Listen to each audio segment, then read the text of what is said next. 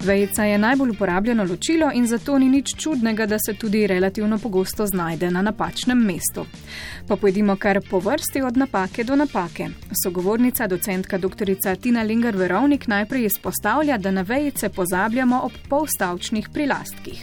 To vem, da se sliši zelo učeno. Še bolj učeno bo zvenelo, ko bom povedala, da so to besedne zveze z deležniki na N ali T, redke je na Č in da te zveze sledijo samostalnikom ali samostalniškim zvezam. Zato bom povedala nekaj primerov. Letalo namenjeno učile ali pa dopis prejet po elektronski pošti. Namenjeno in prijet sta v tem primeru ta deležnika, ki sta bila tvorjena iz glagolov, v resnici gre za čisto pridevniške besede, se pravi, lahko bi se po njih vprašali tudi, kakšen in si na tak način pomagali. Kar je zanimivo pri teh zvezah, ki jih moramo, kot rečeno, ločevati z vejcami, je to, da jih lahko postavimo tudi pred samostalnike, na katere se nanašajo. Lahko rečem, torej, učile namenjeno letalo ali pa po elektronski pošti prijet dopis in to včasih celo storimo.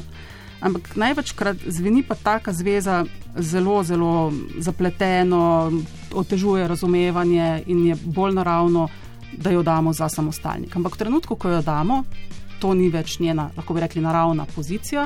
Jo je treba zato zaznamovati z vejcami. Vejca pa se mora nahajati tudi na koncu besede, če se poved tam ne konča. In na te druge vejce, na te, ki neke skladenske enote zaključujejo, se tudi sicer zelo pogosto pozablja, tudi v drugih primerih. Ne, zelo pogosto takrat, ko se poved začne recimo z odvisnikom. Pravi, začnem poved če, in moram potem razbrati, kje je konec te, tega dela in kje se začne glavni stavek in tam postaviti vejco. Še bolj pogosto se pozablja na nje v primeru, ko gre vmes za tako imenovane ki stavke oziroma stavčne prilastke. Spet bom prebrala en primer. Pripovedovala je o knjigah, ki jih bere, in o načrtih za prihodnost. V tem stavku moramo postaviti dve vejci. Prva ta, ki stavek uvede, in druga ga zaključi, pa čeprav je pred veznikom in. Ne, zdaj smo pa tudi pri tej drugi modrosti, češ pred in ni nikoli vejce, no tukaj je. Torej, pripovedovala je o knjigah, vejca, ki jih bere, vejca in o načrti za prihodnost. Pogosto pozabimo tudi na vejce pri premem govoru, nadaljuje sogovornica. Mogoče malce nenavadna, ker ni tako tipično skladenskega. To je vejca na koncu premega govora ali pa dobesednega navedka, kadar mu seveda sledi še spremni stavek.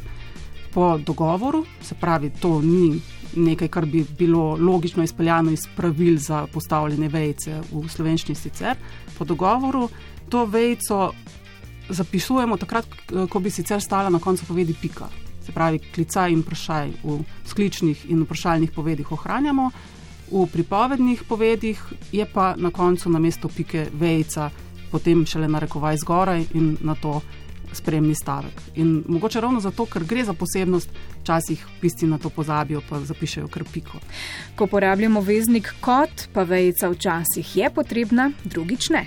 Ja, kot ima več vlog, ampak največ težav zdaj z vejco povzroča zagotovo takrat, ko uvaja primerjavo ali pa neko podobnost. Zakaj je težav? Zato, ker je stava vejce odvisna od tega, ali, glagol, ali sledi temu kot glagol ali ne, oziroma drugače povedano, ali gre za nestavčno primerjavo, se pravi, ko primerjam lahko samo dve besedi, ali pa gre za stavčno primerjavo. Lahko rečem, recimo, vreme je isto kot lani in vejce ne bo.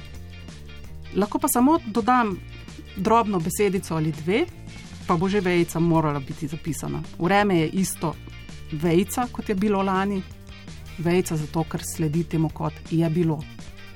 Hkrati torej, je treba biti pozoren, na po eni strani odnos, ki ga veznik zaznamuje, in še na te malenkosti, ali je na pisni, se pravi, te vidni, ker govorimo o zapisu ravni, glagol izražen, ali si ga samo mislim. Ker če si ga samo mislim, potem vejce ne bo.